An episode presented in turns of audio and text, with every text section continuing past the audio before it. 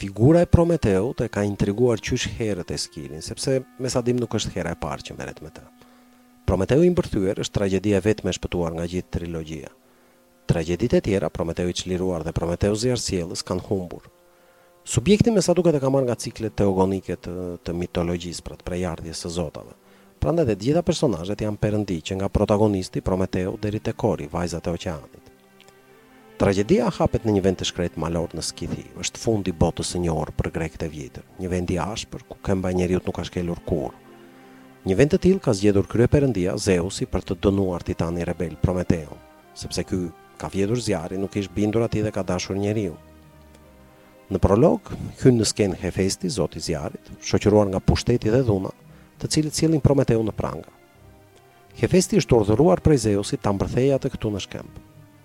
Hefesti duket që është në dilemë, nga njëra anë s'mund të thyejë urdhrin e tatit, Zeusit, nga ana tjetër s'i bën zemra të mbërthejë në shkëmb Prometeun, meqenëse e ka soj, e ka gjini. Nëna e Prometeut, Temida dhe ajo e Hefestit, Hera janë vajza të Uranit. Madje i drejtohet atij vetë për t'i thënë se pa dashjen e tij po e po e kryen këtë detyrë sepse Zeusi, si çdo sundimtar i ri është i ashpër. Pushteti i kujton Hefestit se ishte pikërisht Prometeu që i ka vjedhur atij thesarin e tij zjarrin, pra s'ka pse të ketë mëshirë, aq më tepër që sipas tij asnjë nga hyjnitë nuk e do Prometeun. Që këtu kuptojmë vetminë titanike të Prometeut përkundër gjithë klanit të Olimpit. Pas këtij dialogu midis pushtetit dhe Hefestit ky i fundit fillon punën për mbërthimin e Prometeut. Fillimisht i kalon prangat në duar, pastaj i mbërthen krahët nën vëzhgimin e pamëshirshëm të pushtetit. I ngul tejpërtej në kraharor një shufër, ia mbështjell brinjët me një brez dhe së fundmi i lidh këmbët. Shtrëngo prangat sa në mish të futen, porosit pushteti. Si mbaron puna, marrin të largohen të tre, por pushteti kthen kokën dhe shpreh hapur urrejtjen që ka ndaj ndaj Prometeut kur i thotë, Tani shit mend dhe shko e vidh thesaret e perëndive për njerëzit.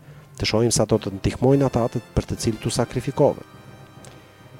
Deri në këtë moment Prometeu ka mbajtur një një heshtje stoike dhe nuk ka nxjerrë asnjë fjalë pavarësisht torturës.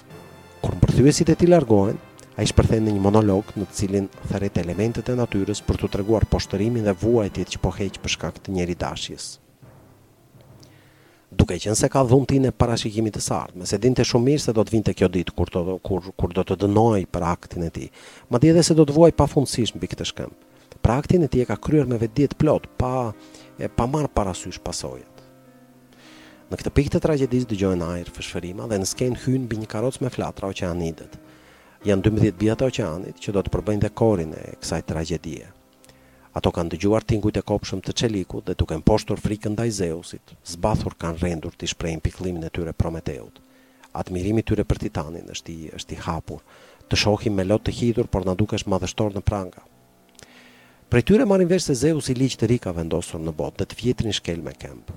Tipike çdo, çdo regjimi të ri. Edhe Prometeu pak më tej thotë se ligjin e bën, e bën si do vetë Zeusi.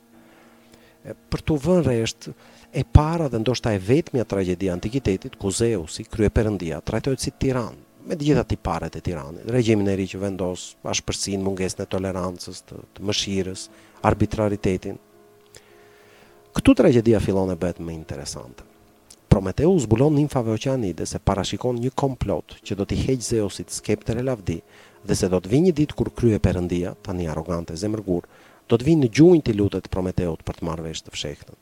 Por ky nuk do të pranojë përveçse në këmbim të çlirimit dhe rehabilitimit të tij të plotë, pa më çliruar nga prangat, për fyerjet falje pa më kërkuar. Kori admiron lirinë shpirtërore të Prometeut, por nga ana tjetër ka frikë për të zezat që mund ta gjejnë pikërisht për shkak të kësaj lirie. Pas kërkesës së korit, Prometeu fillon të tregojë arsyen pse është dënuar kaq ashpër, duke zbuluar thelbin e martirizimit të tij. Në luftën për pushtet në Olimp, ai ndihmoi Zeusin të rrëzojë nga froni të atin, Kronin plak. Por nuk ka tiran në botë që mos vuajë nga sëmundja mos u zërë besë shokëve kurrë. Fjalët e Prometeut janë aktuale sot e kësaj dite. Më tej, kur Zeusi pasi hip në fron fillon të ndajë pasuri, pushtet e ndere, njerëzit krejt i harroi, madje donte ta faronte racën e tyre, për ta për ta zëvendësuar me një racë të re, ëndrra e çdo tirani.